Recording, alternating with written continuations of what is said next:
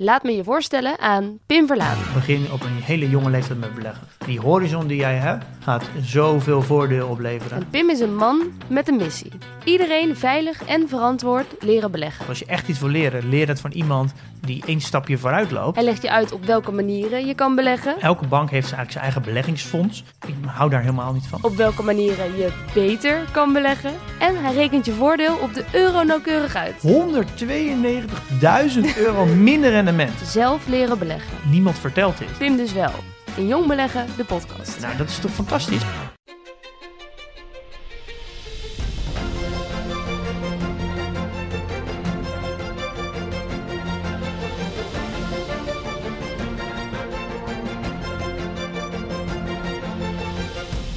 Daar zitten we dan.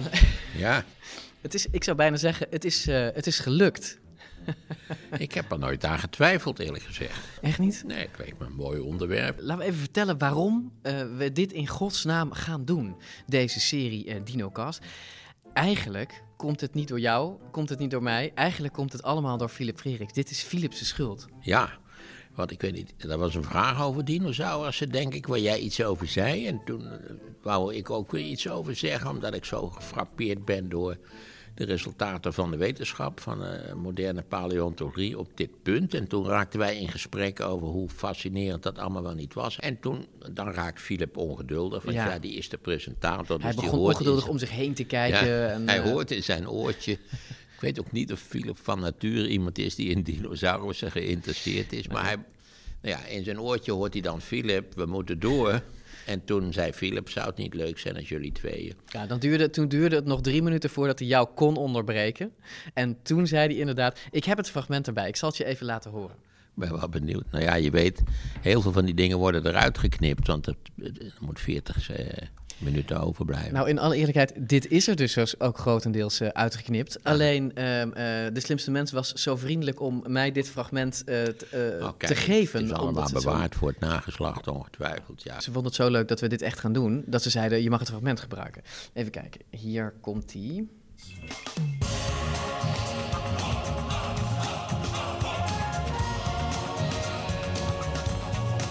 Welkom terug, Gijs. Opiniepeiler eh, bij eh Eén Vandaag. Ehm, jij deelt iets met Maarten. En dat is jouw belangstelling voor eh, dinosauriërs. Oh, Vanaf welke leeftijd had je dat? oh vanaf, vanaf drie of vier of zo. Toen al? Ja, die, die, die, die, grote, die grootsheid. Het feit dat zulke beesten echt hier geleefd hebben, dat fascineert me eigenlijk nog steeds. Ik heb mijn, mijn eerste spreekbeurt ging over Ja, dinosaurussen. je hebt er zelfs een, een dino-krant gemaakt, heb ik me laten vertellen. Ja, voor de buurt. Ja, dus dat Ja, die kwam elke je week. rond in de buurt. Ongevraagd eh, natuurlijk. Eh, dus Die dat maakte ik in de zelf. Ja, de ene week ging het over de Stegosaurus, de andere keer over de Brachiosaurus. En, en hoe oud was je toen? Eh, Een jaar of acht of zo, denk ik. Ja, ja. Ja. En kreeg je daar reacties op? Eh, eigenlijk niet. nee. Ja, de meeste jongetjes die verliezen hun interesse in de dino's zo, zo in de loop als ze wat ouder worden. Hè? Dat, eh, ja, eh, eh, treedt er bij jou al enige verzadiging op? Nee, ik kijk nog steeds misschien wel één keer per jaar eh, Jurassic Park. Ja. Gewoon om, om dat gevoel nog een keer te krijgen. Maar het is niet in jou wel dat je daarbij opgekomen. opgelicht wordt waar je bij staat. Hè? Opgelicht. Ja, dat je niet echt dinosaurus kan klonen uit, eh uit Barnsteen, Dat bedoel niet je? alleen, maar bijvoorbeeld ook die twee die achter die kinderen aan zitten. Die waren in werkelijkheid ongeveer half zo groot. En hadden op zijn beste intelligentie van een kip. Ja, en ze hadden veren ook. Ja, ook dat. Ja, Dus het, ja. je wordt daar wel een beetje bij de neus genomen. Ja, maar weet je, het is ook een beetje een droomwereld. Dat is ook zo nu en dan lekker, toch? Maar, maar wat vind jij dan zo leuk aan dinosaurussen? Eh, dat het hele beeld van dinosaurussen wat ik in mijn jeugd kreeg... dat dat totaal veranderd is. Ze liepen, ze lopen anders. Eh, eh, niemand zei toen dat er voor onze huidige vogels afstammen van. Hè, de- meest dichtbijzijnde nazaat van, van Tyrannosaurus rex is de kalkoen. Ja, ik, ik- tussen al- twee haakjes, er is nu een haakje geopend. Ik zou zeggen, ga rustig door. Maar vervolgens sluiten we het haakje en dan gaan we het programma weer op. Ja, maar het- Nee, maar gelukkig kunnen we monteren. Maar om het kort samen te vatten... alles wat er veranderd is in de manier waarop we tegen dinosauriërs aankijken... warmbloedig, familiezin, eh, broeden... Ja, sorry, hè, Filip. Nee, het is allemaal prima. Mijn vraag was nog even... Ben je nooit op het idee gekomen om, een- om een dino-podcast te maken? Nou, weet je, dat is best een goed idee. Ja, hè? Ja, die is er nog niet, volgens mij. Nee, die is er nog helemaal een gat in de markt, man. Maarten, ik zie gat in de markt. Ja. Ja, ik ben er graag eh, bereid mee te werken. Nou, kijk eens aan. Hier is een bondgenootschap gesmeed. Nou ja, het is ervan gekomen. Ja, toch? Ja, vooral door jou natuurlijk. Maar Ja, ik fietste dus terug na die aflevering. Ik, dat kan bij mij op de fiets. Ik woon in Hilversum. En eh, ik moest eh, aan die woorden van Philip denken. En je, je, je ziet of je hoorde eh, dat het me echt overviel. Het was echt een spontaan idee van hem. En ik fietste dus naar huis en ik dacht... Dit zou zo leuk zijn. En dit zou gewoon leuk zijn voor de lol. G- gewoon iets maken. Gewoon iets vertellen. Laten we eens kijken of we weer wat kunnen ja, en vertellen. het voordeel is dat je niet aan het opiniepanel hoeft te vragen wat hun favoriete dinosaurus Nou, ik, heb, is. ik heb het overwogen. Ja? Ik heb het overwogen. Maar ik ben in ieder geval heel blij en vereerd dat, dat jij ja hebt gezegd. En dat, dat we dit nu dus echt gewoon zijn gaan doen dit jaar. Ja, ik ben in feite altijd een, een liefhebber van het populariseren van mijn eigenaardige belangstellingen. En een onderdeel van mijn eigenaardige belangstellingen is eh, onder andere de dinosaurus, maar ook de geschiedenis van de planeet. Ja. En, en de opmerkelijke veranderingen die deze planeet eigenlijk permanent ondergaat. Nou ja, en er is ook dus heel veel veranderd. Dat zei je natuurlijk in het fragment al aan ons beeld van, van dinosauriërs. En ik heb iets meegenomen. Deze, die ken jij denk ik nog wel. Ja, zeker.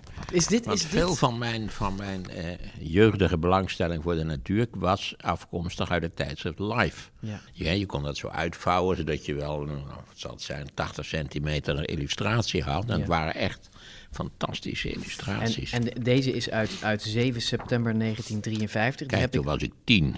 Nou, net nog geen tien. ja, dus de- deze heb ik opgescharreld. Deze heb jij dus als, als tienjarig jongetje. Heb jij, heb, Hier zit zo'n plaatje van de dinosaurussen die met olifantskleur rondscharrelen. Waarschijnlijk Ja. zijn ze vrolijk gekleurd geweest. Ja, maar in, de ver, in de verte zie je drie vulkanen tegelijkertijd uitbarsten. Dat, dan zouden ze zich beter wat uit de voeten kunnen maken. Want dat kan hele vervelende effecten hebben. ja, ze- En zo ver weg is dat ding niet. Nee, ze, ze, ze zijn gewoon aan het grazen, hè? terwijl er gewoon een... eh, maar ehm, eh, de- dit zijn wel letterlijk de afbeeldingen die jou eh, ja, zeker. hebben zeker. geïnspireerd, hè?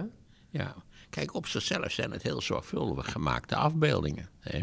Maar ja, ze wisten niet veel beter. Dit zijn niet meer de dino's zoals we die nu zouden afbeelden. Totaal niet. En het verschil, dat is toch waar deze podcast over gaat. Ja, nu weten we ondertussen dat ze eh, hele vrolijke kleurtjes hadden. Dat ze misschien al veren hadden op, op allerlei plekken op hun lichaam. En ze liepen anders, hè? De- deze, deze, de- deze dieren die, die, die hebben de staarten allemaal op de grond hangen. Ja. Die steunen op die staarten. Ik denk dat dit ook de tijd nog was dat ze dachten dat ze allemaal koudbloedig waren. Eh, Kortom, ons beeld van dino's, en dat is natuurlijk waarom we, waarom we deze podcast eh, gaan doen, is niet alleen sinds de jaren 50 veranderd, maar is ook sinds de jaren 90. Sinds, nog, sinds, nou, het gaat nog steeds in een heel hoog tempo. Ook Ja. omdat er natuurlijk veel systematischer gezocht wordt naar, eh, naar fossielen. En een aantal plekken toegankelijk zijn geworden die toen tot. Hè, tegenwoordig hebben die Chinezen bijvoorbeeld dat Ja. produceert aan een lopende band eh, verrassende nieuwe fossielen. Eigenlijk wordt er dus elke week een nieuwe dinosaurus Ja. opgegraven. Ook kleintjes, dat moet je er nog bij zeggen. En dat we, dat we nesten hebben gevonden met eieren en, en nesten waar nog kleintjes in zaten. En ik moet ja, Hoe gaan we het aanpakken? Nou, in, in, in deze serie nemen we, je, eh, nemen we onze luisteraars eigenlijk elke aflevering mee naar een andere dinosaurus, hè? een bepaalde soort. Dus eh, we beginnen met eh gepantserde planteneters, zoals eh, Stegosaurus, eh, Triceratops. En uiteindelijk komt natuurlijk ook eh, eh, Tyrannosaurus rex eh, aan. ja, onvermijdelijkerwijs komt Sofietje ook om de hoek kijken. We gaan naar Naturalis. We bezoeken ook Tylers Museum. Hè? En we gaan vertellen wat we meer weten. En we gaan vertellen hoe ze dat weten. En dat gaan wij niet vertellen, want wij hebben de waarheid niet in pacht. Dat doen we dus met een, met een, een, een topteam. Ehm, ehm, ik overdrijf niet. Een topteam aan, aan mensen. Dus paleontoloog Anne Schulp, maar ook allerlei andere paleontologen en deskundigen op het gebied van, van dinosauriërs.